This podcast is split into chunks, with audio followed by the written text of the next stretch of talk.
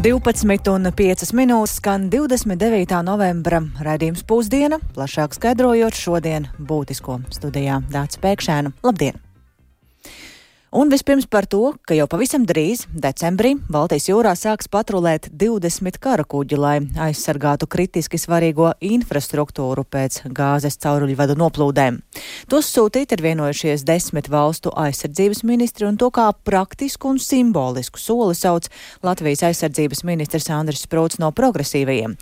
Bet vairāk par to stāstīs kolēģis Jānis Kīncis, kurš šobrīd mums pievienojas tiešai. Sveiks, Jāni! Sveicināti! Jā, sākotnēji izstāstīšu, ka šo kopīgo darbību īstenos apvienotie reaģēšanas spēki. Tā ir desmit valstu koalīcija, kas koncentrējas uz drošību Ziemeļeiropā. Un apvienotajos reaģēšanas, reaģēšanas spēkos ietilpst Lielbritānija, Dānija, Somija, Igaunija, Islande, Latvija, Lietuva, Nīderlande, Zviedrija un Norvēģija. Šo organizāciju izveidoja pēc Lielbritānijas iniciatīvas 2015. gadā. Un dažādas kopīgas darbības reģiona aizsardzības nolūkā bijušas jau iepriekš priekšu. Piemēram, 2022. gadā apvienoto rēģēšanas spēku dalību valstu aizsardzības ministri paziņoja par kopīgām militārām mācībām Ziemeļeiropas reģionālās drošības stiprināšanai. Togad notika militārs vingrinājums Baltijas jūrā ar jūrniecības elementu, pretgaisa aizsardzības un arī praktiskās šaušanas treniņiem. Un šoreiz ir pirmā reize, kad apvienotie reģēšanas spēki izmantos tā saucamo atbildes variantu vai angliski response option pēc kāda konkrēta notikuma. Par to vienojušies visu desmit valstu aizsardzības ministri. Tā ir reakcija uz Somijas un Igaunijas gāzes vada Baltika konektoru sabojāšanu oktobra sākumā. Un šī, šis kopīgais lēmums uh, raida vairākus signālus. To uzsver Latvijas aizsardzības ministrs Andris Sprūts no progresīvajiem. Latvija jau pēc šiem bojājumiem gāzes badā pastiprināja kritiskās infrastruktūras aizsardzību. Un, protams, ka šobrīd arī desmit valsts šeit eh, iesaistās konkrēti šeit Baltijas eh, jūrā un parādīt savu klātbūtni, ka ir arī gatavība aizsargāt kritisko infrastruktūru. Šeit ir vairāk šie signāli. Viens ir, ka kritiskā infrastruktūra tiks aizsargāta ka šeit, protams, arī savstarpējā sadarbība ir ar NATO, jo arī NATO sākotnēji aktīvi teiksim, tā, reaģēja un nosūtīja savus atsevišķus vienības. Šobrīd savukārt apvienoto rēģēšanas spēku aktivitāte ir. Protams, ka tas ir parādīt signālu, ka principā mēs aizsargāsim, mēs esam gatavi pastiprināt savu klātbūtni, mēs esam gatavi iedarbināt dažādas mehānismus, lai tas arī tiktu efektīvi īstenots. Un to, cik speciālistu vai kuģi no Latvijas flotes dosies šajā misijā, ministrs gan atturs nosaukt, Taču zināms, ka Baltijas jūrā un Atlantijas okeāna ziemeļos šajā atbildes variantā dosies kopumā ap 20 kara kuģi no desmit, visām desmit valstīm. Un vēl piebildīšu, ka Šobrīd aizvien vēl turpinās starptautiska izmeklēšana saistībā ar rudenī notikušo gāzes vada Baltika konektoru bojājumu. Un jau vairāk kārt ir publiski izskanējis, ka noplūde no gāzes vada notikusi ārējas darbības rezultātā. Un, piemēram, Somijas policija uzskata, ka cauruļvada bojājums radīs kāda Ķīnas kuģa ankursa. Taču tādas pavisam skaidras slēdzienas šajā lietā vēl nav. Dāce? Paldies Jānim Kīncim. Tas tātad par infrastruktūras aizsardzību Baltijas jūrā, bet par citu veidu aizsardzību runājot, tad janvāra beigās pirmo reizi notiks izloze par iesaukšanu aizsardzības dienestā, jo nepietiks ar tiem, kas ir pieteikušies paši. Trešajam iesaukumam, kas sāksies vasarā un kurā būtu jāsāk dienēt 480 jaunošiem, brīvprātīgā pieteikšanā Eh, pieteikšanās beidzas pēc pāris dienām, un šobrīd ir pieteikušies nedaudz virs 250, lai gan vajadzētu teju trīs reizes vairāk, jo aptuveni trešā daļa nekvalificējas veselības stāvokļa dēļ. Un par to, kā notiks šī izloze un kā jauniešus izvēlēsies, vairāk šorīt eh, redzījumā labrīt kolēģiem Laurim Zvejniekam un Ārtais Kujai skaidroja aizsardzības ministrijas valsts sekretārs Jānis Garisons. Paklausīsimies sarunas fragmentā. Mēs arī konsultējamies ar Latviju, jo principā jau paliek vienādi, bet eh, faktiski mēs strādājam divos virzienos. Pašlaik tiek veidota kopējā sistēma IT, kur mēs mēģināsim maksimāli daudz datus jau ievākt no esošajām datubāzēm, lai atlasītu jau jauniešu ar invaliditāti, kriminālu sodāmiem, respektīvi tos, kam likums paredz jau izņēmumus, un attiecīgi tad arī šajā datubāzē tiks iestrādāti jau izlozes principi. Mhm. Kamēr šī datubāze top, visdrīzāk 20. 25. gada beigas vai 26. gada sākums, kad tā varētu tikt ieviesta. Tikmēr, protams, tas jādara manuāli, un tas tāds nu, diezgan grūts darbs, jo faktiski tas, kas tagad jau notiek, mums ir jāatlasa visi tie, kas vēl joprojām ir skolā attiecīgi 18-gadīgie, kas joprojām studē, bet tad jāatliek tie 19-gadīgie, kuri beigs šogad skolu. Tad ir jāatlasa visi tie, kam likums paredz izņēmumus, krimināli sodītie, kur aprūpē jau ir bērni un tam līdzīgi. Jūs zināt arī tos, kas tālāk. ir ārpus Latvijas? Nē, likums paredz, ja Latvijas pilsonis deklarējas, ka viņš dzīvo pastāvīgi ārzemēs, tad likums paredz, ka pārējais periods līdz 28. gadam. Bet, ja cilvēks nav deklarējies, nu, tad tā ir viņa paša atbildība. Un tad eh, arī, lai nodrošinātu līdzvērtības principu, lai nebūtu tā, ka teiksim, no viena, nezinu, nu, varagļāna vismazākais novads, eh, ka mēs no turienes paņemam visus un eh, no Rīgas, piemēram, maz, tad faktiski tiek sadalīti proporcionāli. Tas, ja, piemēram, tie būs 350, tad proporcionāli katram novadam atbilstoši, cik tajā novadā ir reģistrēti jaunieši, kas pakļaujas attiecīgi iesaukumam, tad proporcionāli tiks sadalīti katram novadam, cik ir jāatlasa, un tad attiecīgi katra novada jaunieši tiks sagrupēti, iedot numuri. Tad teorētiski visvairāk būs no Rīgas un Pierīgas.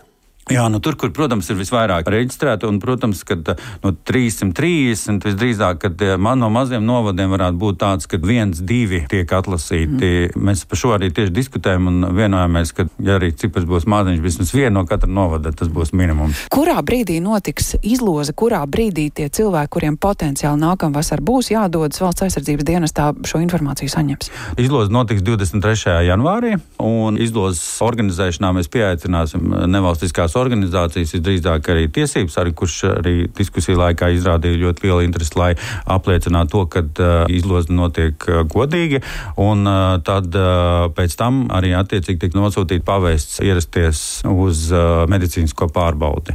Un tajā brīdī, protams, pavēsta par iesaukšanu tiks nosūtīta tikai tad, kad ir izieta medicīniskā pārbaude un kad attiecīgi ir skaidrs, kad jaunieci atbilst. Un uh, šī gala pavēsta jānosūta trīs mēneši pirms iesaukšanas.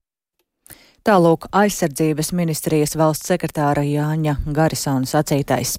Bet mēs turpinām ar to, ka ledus ir sakustējies Rēzeknē. Pēc trim nenotikušām sēdēm šodien uz domas sēdi tomēr sanāca 12 no 13 vietvaras deputātiem, līdz ar to bija pārliecinošs kvorums un deputāti varēja izskatīt vairāk nekā mēnešu garumā iekrātos teju 30 jautājumus. Un par to šobrīd esam sazinājušies ar Latgales studijas kolēģi Madaru Bērtiņu. Viņa seko līdz šiem notikumiem. Sveika, Madara, tad plašāk par situāciju Reizeknē. Jā, labdien! Šobrīd vēl atrodos Reizeknas valstspilsētas domē, kur nu pat noslēdzās domas sēde. Uz to bija sanākuši 12 no 13 deputātiem. Savukārt vienam deputātam, Vladimiram Bogdanovam, esot darbspējas, darb, darb nespējas lapa. Pārējie deputāti bija klāt. Sēdi vadīja atstādinātā mēra Aleksandra Bartaševiča no partijas kopā Latvijai vietnieks un partijas biedrs Aleksējs Stets. Kopā tika izskatīti 28 jautājumi. Plašākās diskusijas izvērtās par trim jautājumiem. Tātad par uh, grozījumiem lokāla plānojumā, lai varētu uh, izveidot jaunu vietu šķiroto atkritumu laukumam pilsētā. Uh, otrs par grozījumiem pašvaldības 23. gada budžetā, tajā iekļaujot aizņēmumus iesākto projektu pabeigšanai, kā arī jautājums par pedagoģu darba samaksas aprēķina pārskatīšanu, ko jau novembra sākumā pieprasīja varam ministre Inga Bērziņa. Kopumā jāteic, ka sēde bija ļoti konstruktīva līdzīgi kā daudzkārt iepriekš šajā sasaukumā jau ir bijis ar plašām diskusijām un daudz jautājumiem no opozīcijas puses. Jāatgādina gan, ka šī bija pirmā pilnvērtīgā sēde kopš 19. oktobra. Pirms tam sēdes nenotika, jo tās apzināti sabotēja Reizeknē valdošās partijas kopā Latvijai deputāti, tādā veidā mēģinot panākt domas atlaišanu. Tas gan viņiem neizdevās, jo e, plānu patraucēja vidas aizsardzības un reģionālās attīstības ministrija, uzsverot, ka likumā šī atlaišana ir rakstīta, ka to var izdarīt, nevis tas ir obligāti. Līdz ar to e, ministrija un valdība uzstāja, ka pilsētas domē ir jāturpina strādāt. Vai šī te bija izņēmuma domas sēde un kas kas notiks tālāk, vai turpmāk opozīcijas eh, po, pozīcijas deputāti sabotēs sēdes vai atsāks darbu kā iepriekš.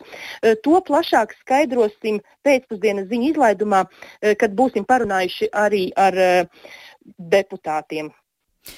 Paldies Madarai Bērtiņai. Jā, kā jau tu minēji, tad vairāk par to runāsim raidījumā pēcpusdienā, bet mēs šobrīd turpinām vēl ar citiem tematiem. Un ja vēl nedēļas sākumā par Rīgu stāstījām, ka sabiedriskā transporta biļešu cenas nekļūs dārgākas un jaunā biļešu sistēma esot attaisnosies, tad Daugopilī gan par braukšanu sabiedriskajā transportā jau nākamgad varētu būt jāmaksā vairāk.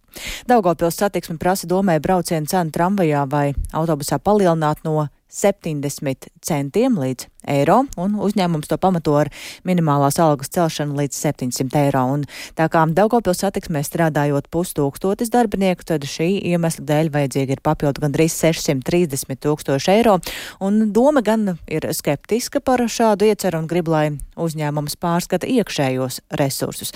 Vairāk par to Silvijas Smagars ierakstā.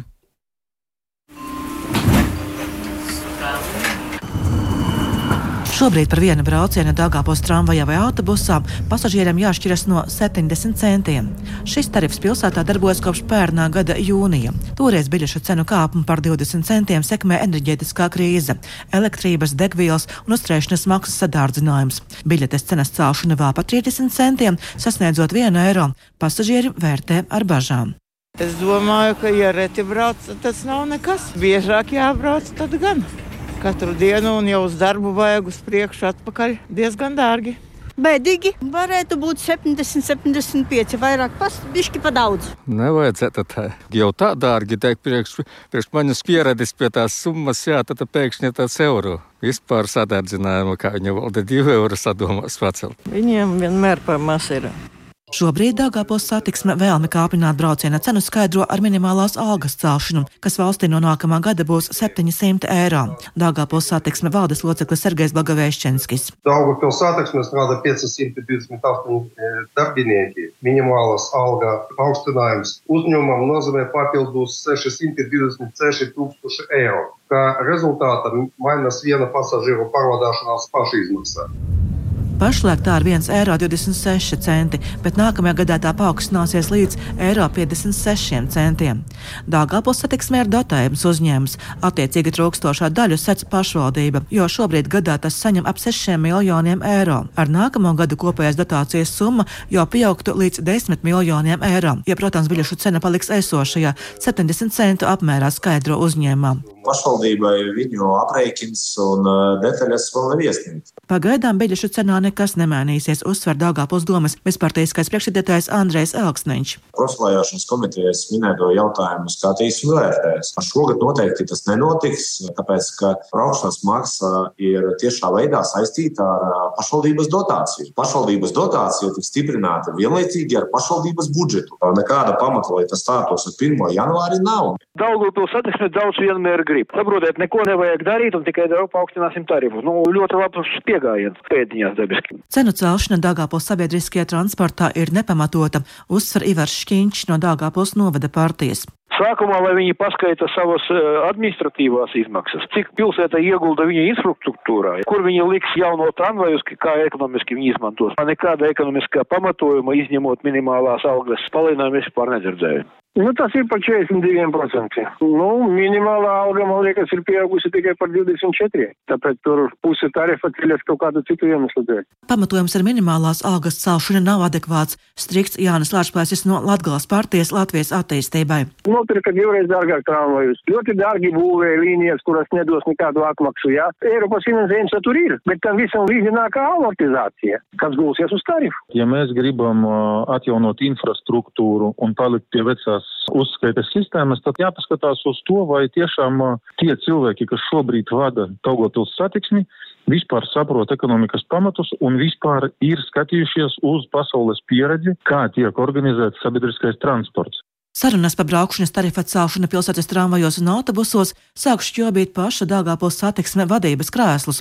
Tas ir jāizvērtē pārliecināts Pēteris Zāba no Dāngāpils novada partijas, uzskaitot uzņēma neizdarītās lietas. Daugopilī paralēli tramvajiem iet autobuss, Mums nav vienotas biļetes, nav laika biļetes, nav iespēja cilvēkiem iesaisties vienā galā, aizbraukt līdz centram, pārsēsties tālāk, braukt. Tas viss nav. Un nemainoties struktūrāli iekšēji un nemainot pieeju pie paša tarifa kā pamatpakalpojuma, tad skaidrs, ka tuvākajā nākotnē viens eiro arī būs par maz. Šobrīd Dāngāpils domena uzņēma Dāngāpils satiksme gaida piedāvātā tarifa pamatojumu. Daugavpils satiksmei ir pietiekami detalizēti jāatspoguļo savas izdevumu pozīcijas un nākotnes plānus vispār kā tādus. Respektīvi, jautājums par biļešu sadārdzinājuma Dāngāpils sabiedriskajā transportā līdz vienam eiro tiks skatīts tikai nākamā gada sākumā. Silvija Smagra, Latvijas radio studijā Latgalē. Bet Rīgas domē atjaunos savulaik likvidēto pretkorupcijas komisiju, un par tās izveidi deputāti tik tikko ir nobalsojuši domas sēdē. Mērķis ir labāk izprast ētiku, novērst interešu konfliktus un pilnveidot trauksmes celšanu. Par komisijas atjaunošanu deputāti bija sākuši runāt vēl vasarā, kad izjuka bijušā mēra Mārtiņa Stāķa vadītā koalīcija, un darbu komisija pārtrauca pirms 14 gadiem, kad pie varas Rīgā nāca uh, Nils Učakovs no Saskaņas un domas deputāts Enārs Celinskis no Nacionālās apvienības Latvijas reģiona apvienības kopīgā saraksta Latvijas radio sacīja, ka viņš ir gatavs šo komisiju vadīt līdzīgi kā tas bija 2009. gadā. Ir eh, jāsaprot, ka pretkorupcijas komisija neķers noziedzniekus. Ja, tad, tad viņi nevar īstenot um, to darbu, kas jādara knābu un citām institūcijām. Tad, tad eh, mūsu uzdevums ir skatīties prevenciju, tad, kas ir tie jautājumi, kas nu, varētu veicināt korupciju vai kādi ir šie korupcijas riski. Bet, nu, tas, protams, arī nenozīmē, ka mēs neizskatītu noteikti konkrēts jautājums, ja teiksim, kāpēc varbūt ir radušies radušies korupcijas uh, situācijas vai arī aizdomas par šīm situācijām. Un kur jūs saskatāt tagad tos varbūt lielākos riskus, ja jau atkal vajag tādu izveidot? Riski jau kā vienmēr ir eh, tajās lietās un jautājumos, kur apgrozās nauda. Tas jāsaprot. Ja, tad, tad, eh, es nesaku, ka tur ir korupcija, ja, bet nu, tad, tad riski lielāki ir departamentos, kas strādā ar, ar projektiem, kas slēdz līgumus un tam līdzīgi. Un, nu, tad, tad ir jāpaskatās jāskatās. Šie riski ir radījuši nu, tātad, eh, viedokli, ka kaut kas nav noticis kārtībā. Ja? Kaut kas nav bijis arī teiksim, saistībā ar, nu, varbūt nesaukšu šobrīd departamentus, lai eh, tas nebūtu priekšlaicīgi, bet nu, droši vien, kad palasot eh, medijas, var, var tos departamentus viegli atrast, tie, kur, par kuriem ir bijuši šķietami kaut kādas aizdomas. Nu, tad nu, mums ir jāskatās, vai šīs procedūras ir bijušas pietiekami labas, vai to var uzlabot. Atbildīgās komitejas vadītājs Latvijas radio atzina, ka pretkorupcijas komisijas atjaunošana situāciju Rīgā nedaudz uzlabošot, un plašāk par to stāstīsim arī raidījumā pēcpusdiena. Bet ar vien pieaug saslimstība ar dažādiem elpceļu vīrusiem. Nekur nav pazudis arī covid, un ar to slimo arī skolās, un lai arī situācija nav kritiska un mācību procesu pagaidām neietekmē, daži vietu pašvaldības ir sākušas dažādus piesardzības pasākumus, un tā visās Jelgavas skolās un bērnu dārzos ir izdalīti covid-19 paštesti. Tie ir jāveic gadījumos, ja ģimenei ir aizdomas par saslimšanu, un vairāk par to vaicāšu kolēģei Paulai Dēvicai. Sveika, Paula! Tad izstāsti mazliet vairāk par to kārtību, kāds ir algoritms, kāda ir jātestējas. Labdien! Jā, tātad um, Jelgavā skolās uh, šobrīd uh, dālā šos paštestus, bet tāda noteikta algoritma, kas nozīmē, ka, piemēram, tur svētdienas vakarā visiem uh, vecākiem un bērniem jānotestēs, tā šobrīd nav. Uh, ir tā, ka testi, testi šobrīd nozīmē gadījumos, kad bērns vai, vai ģimene saprot, ka ir kādas ir kādas indikācijas, ka tests ir nepieciešams, vai nu tie ir simptomi, vai, vai piemēram, aizdomas par to, ka varētu būt šī inficēšanās. Un jā, testi tātad veicami mājās, un uh, paklausīsimies, ko par to stāsta Jelgavas izglītības departamenta direktore Gunta Auza. Pavērojot to situāciju un izrunājot ar izglītības iestāžu vadītājiem, ka mēs konstatējām, ka mūsu iestādēs vai nu akūtas respiratorās saslimšanas, vai nu iespējams varbūt arī Covid izplatība sāksies. Mēs pārunājot ar iestāžu vadītājiem, uzsākām un arī teicām, ja nepieciešams, izmantojiet tos testus, kas mums ir, ir pieejami izglītības iestādēs. un testējam tos gadījumus, kad um, ģimene vai bērns uzskata, ka vajag izdarīt to testu, lai to slimību nepārnēsātu. Jā, Auzā arī minēja, ka Jālgavas skolas ir samērā lielas, tā tad ir vairākas izglītības iestādes ar aptuveni 1200 skolēniem. Tas nozīmē, ka kontaktu ir uh, samērā daudz skolas vidē, un uh, tāpēc šis lēmums vairāk pašlaik ir tādos monitoringa nolūkos, jo, kā skaidro pašvaldībā situācija šobrīd attiecīgajam laiku, pe, laika periodam ir diezgan normāli to par uh, kritisku šobrīd saukt nevarētu, jo šis ir laiks, kad uh, nu, ierasti slimo daudz cilvēku, un īpaši, protams, skolās, kur šis kontakts ir uh, tuvāks un biežāks. Un uh, paštesti tiek dalīti šobrīd Jelgavā jau aptuveni divas nedēļas, un uh, ar uh, to palīdzību atklāts, ka septiņi ar pusi tūkstoši skolēnu vidū ar covid-19 inficējušies 97 bērni, uh, savukārt uh, 1200 skolotāju vidū tie ir 54 pedagoģi. Tātad ir skaidrs, ka mācību process kaut kādā mērā ir ietekmēts, bet kopumā tas šobrīd notiek kā ierasts. Kāda stunda, protams, var izkrist, un skolotājiem noteikti ir jāveic arī aizvietošanas darbs, bet um, indikācija, ka būtu jāpāriet uz kādu citu mācību modeli, pašlaik Jelgavā nav. Dace? Jā, vēl tikai pie šī gribēju vaicāt, vai, vai tas nozīmē, ka par attālinātām mācībām šobrīd nekādu bāžu nav un, un apsvērta tāda iespēja? Mhm. Pašlaik nē, pašlaik tas netiek apsvērts. Kāda situācija citās pašvaldībās?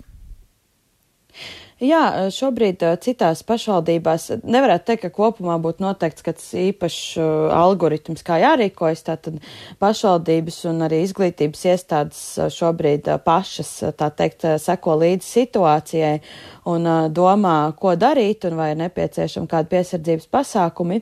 Piemēram, Rīgā šobrīd arī, protams, skolas pašas kontrolē situāciju un kā jau, kā jau paredzams, slimo gan bērni, gan skolotāji, gan arī te, tehniskais personāls, bet mācību process šobrīd notiek klātienē visās skolās, un arī Rīgā skolām ir izdalīti paštesti, iedoti darbiniekiem, arī izdalīti skolēniem gan skolās, gan arī uz mājām, un pēc, pēc vajadzības tātad tos var veikt, bet uzsveršu tātad pēc vajadzības. Un, kā, Tas nozīmē, ka arī šeit nav tāda noteikta algoritma un uh, kārtība arī par to, kā tad reaģēt uz simptomiem ir saglabājusies iepriekšējā. Tātad saslimušies skolu nedodas, bet kontaktpersonas 4 līdz 7, 4. līdz 7. dienā veids paštestu. Uh, un jā, paklausīsimies, ko par situāciju stāsta Rīgas 64. vidusskolas direktors Edgars Zīverts.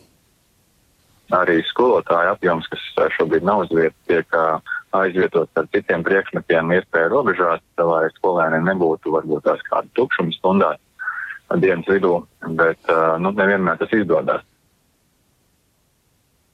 Jā, Zīverts skaidroja, ka arī Rīgas 64. vidusskola nav izņēmums un šobrīd skolā slimo, piemēram, šodien skolā nebija 110 skolēni. Tie gan visi nav neieradušies slimības dēļ, bet uh, daļa tieši tāpēc. Un uh, Zīverts skaidroja, jā, ka tā tad reizēm mācības stundas izkrīt, un reizēm ir arī tādas saspringtākas situācijas, bet tāda tā skolu realitāte ir arī, teiksim, bez šī Covid-19. Un uh, viņš atgādināja, ka īstenībā, kur jau arī iepriekšējos mēnešos vīrus nebija pazudis un kādu gadījumu atklājās visu laiku, bet jā, pēc viņa novērojumiem pēdējā nedēļā esot uh, vērojams tāds neliels sāsinājums.